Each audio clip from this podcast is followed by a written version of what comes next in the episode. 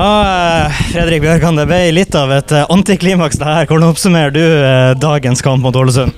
Nei, jeg syns vi gjør en av de beste kampene på veldig, veldig lenge. og uh, Hele kampen så, så, gjør vi det vi har planlagt. og Spiller flyt, og jeg syns rett og slett det er en veldig bra kamp på oss.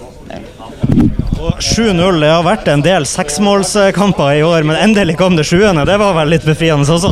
Ja, vi har, eh, vi har jobba og jobba for den sjuende skåringa, så wow, det er deilig. Nei, det, det, var eh, Som sagt, en utrolig bra kamp. og uh, vi får de offensive spillerne våre til å, å, få gjort det de er best på.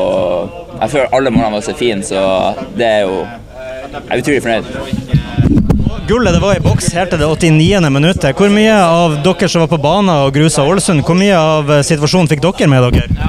Vi fikk ikke, jeg fikk i hvert fall ikke med meg eh, det på høyttaleren, men eh, jeg fikk jo med meg etterpå. Eh, og Litt kjipt er det jo, men det, vi er i en utrolig god posisjon, så vi, vi skal jobbe på, så tar vi det forhåpentligvis veldig snart.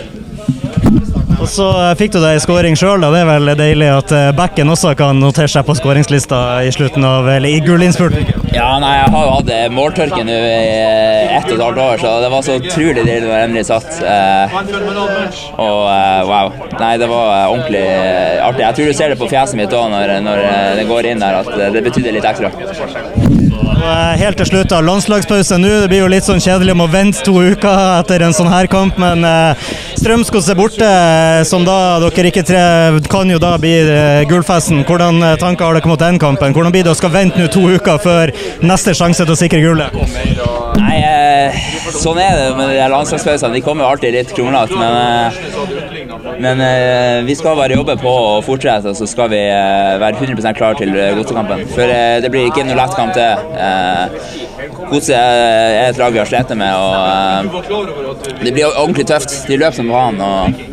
Så vi må bare fortsette å, å ha fokus og, og, utvikling og alt vi har hatt hele sesongen. Takk for det, Fredrik. Tusen takk.